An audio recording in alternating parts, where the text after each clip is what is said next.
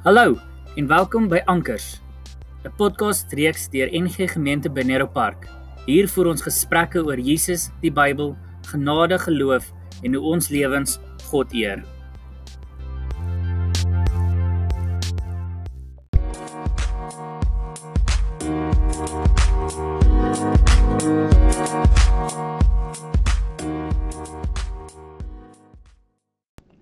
Goeiemôre.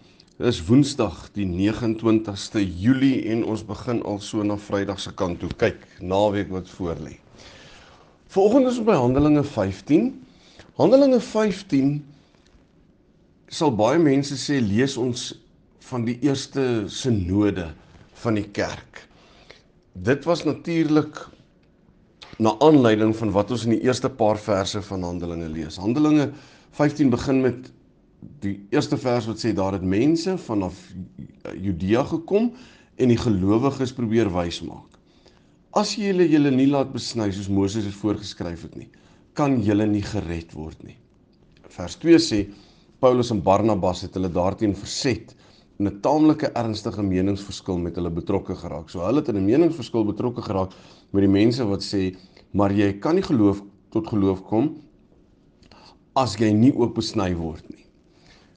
Vers 2 gaan aan om te sê uiteindelik het hulle besluit dat Paulus en Barnabas en nog 'n paar ander uit hulle geleedere oor hierdie vraagstuk na die apostels en ouderlinge in Jerusalem moet gaan want Jerusalem is gesien as die plek waar die moederkerk is as ons dit so kan stel ehm um, die hoofkantoor en dan lees ons in vers 3 dat die gemeente dan vir hulle uitgestuur het en dan die hele verloop van die vergadering oor hoe hulle toe gesê het maar ehm um, die die boodskap was in die Ou Testament met al die reëls en so aan ehm um, het hulle dit nie gemaak nie. Ehm um, die ouens het gesukkel want uiteindelik is dit net God se genade wat 'n mens kon red want mense was nie daartoe in staat besny of nie besny om die wet van die Here na te kom nie. En dan die groot ding gaan rondom genade. Die grootste aanpassing vir die vroeë kerk was om te besef dat die dat die boodskap, die evangelie, die blye boodskap nie net vir Jode was nie. Ek wil dit so vertaal deur te sê dat dit is so goed ons sê nou dat Engelse mense kan nie gelowig word nie. So as hulle eers gelowig word, dan moet hulle leer om Afrikaans te kan praat. En dit is die groot skuif wat die Joodse gemeenskap en ek wil amper sê die tradisionele Joodse gemeenskap moes maak in die tyd van die Nuwe Testament om te besef dat die kerk oop is vir almal. Daar is Jode wat gesê het, "Goed, die kerk is oop vir almal, maar jy moet besny word." Met ander woorde, die besnydenis was toe 'n kulturele ding. En vandag nog is daar gelowe wat die besnydenis huldig, um en sê dit is belangrik dat dit gebeur. Verskillende bevolkingsgroepe gelowe doen dit. En die Jode doen dit steeds die moslems doen dit. Ek weet daar is 'n sekere um uh swart bevolkingsgroepe wat dit doen. So dis nie vreemd nie maar wat hulle gedoen het is om te sê maar jy kan nie Christen wees. Jy kan Jesus bely maar jy moet eers besny word. Wat natuurlik nie waar is nie. Groot aanpassing vir die kerk gewees en hulle grootste kopskuif was om te besef dat die kerk oop is vir almal wat Jesus Christus bely. En dis al, nie Jesus Christus bely en nog 'n klomp ander goeters nie. So in die einde van hoofstuk 15 dan lees ons dat uh Paulus en Barnabas het 'n meningsverskil gehad rondom 'n ding uh vers 36 begin deur te sê na 'n paar dae sê Paulus vir Barnabas kom ons gaan terug na al die stede waar ons die woord van die Here verkondig en kyk hoe dit gaan met ons medegelowiges.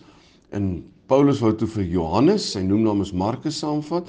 En Paulus het nie gedink dis reg om die man saam te vat nie wat hulle in Pamfilië in die steek gelaat het en nie aan hulle verdere bediening deel gehad het nie. En dan lees ons vers 39 sê kwade gevoelens tussen hulle ontstaan en hulle het elkeen sy eie koers gegaan. Barnabas het vir Markus saamgevat in Siprus toe en Paulus het vir Silas gekies.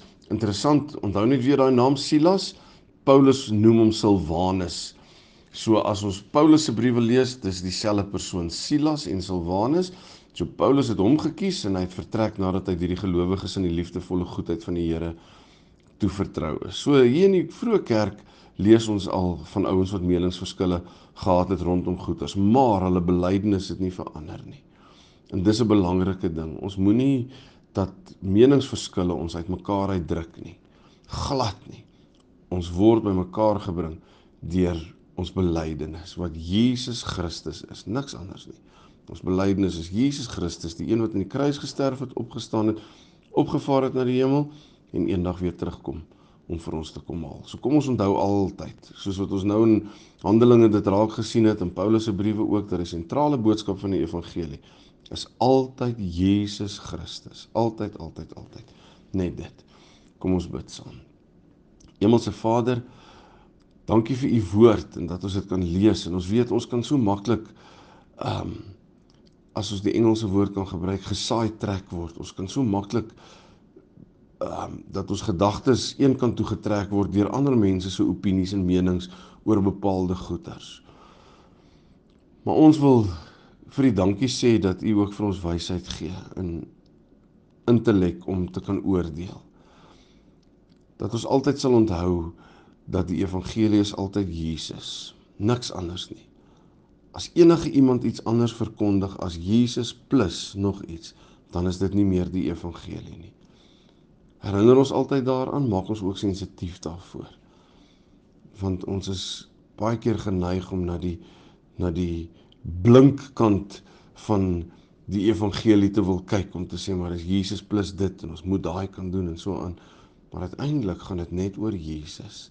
Dankie daarvoor. Amen. Lekker dag verder vir almal. Totsiens. Thank you.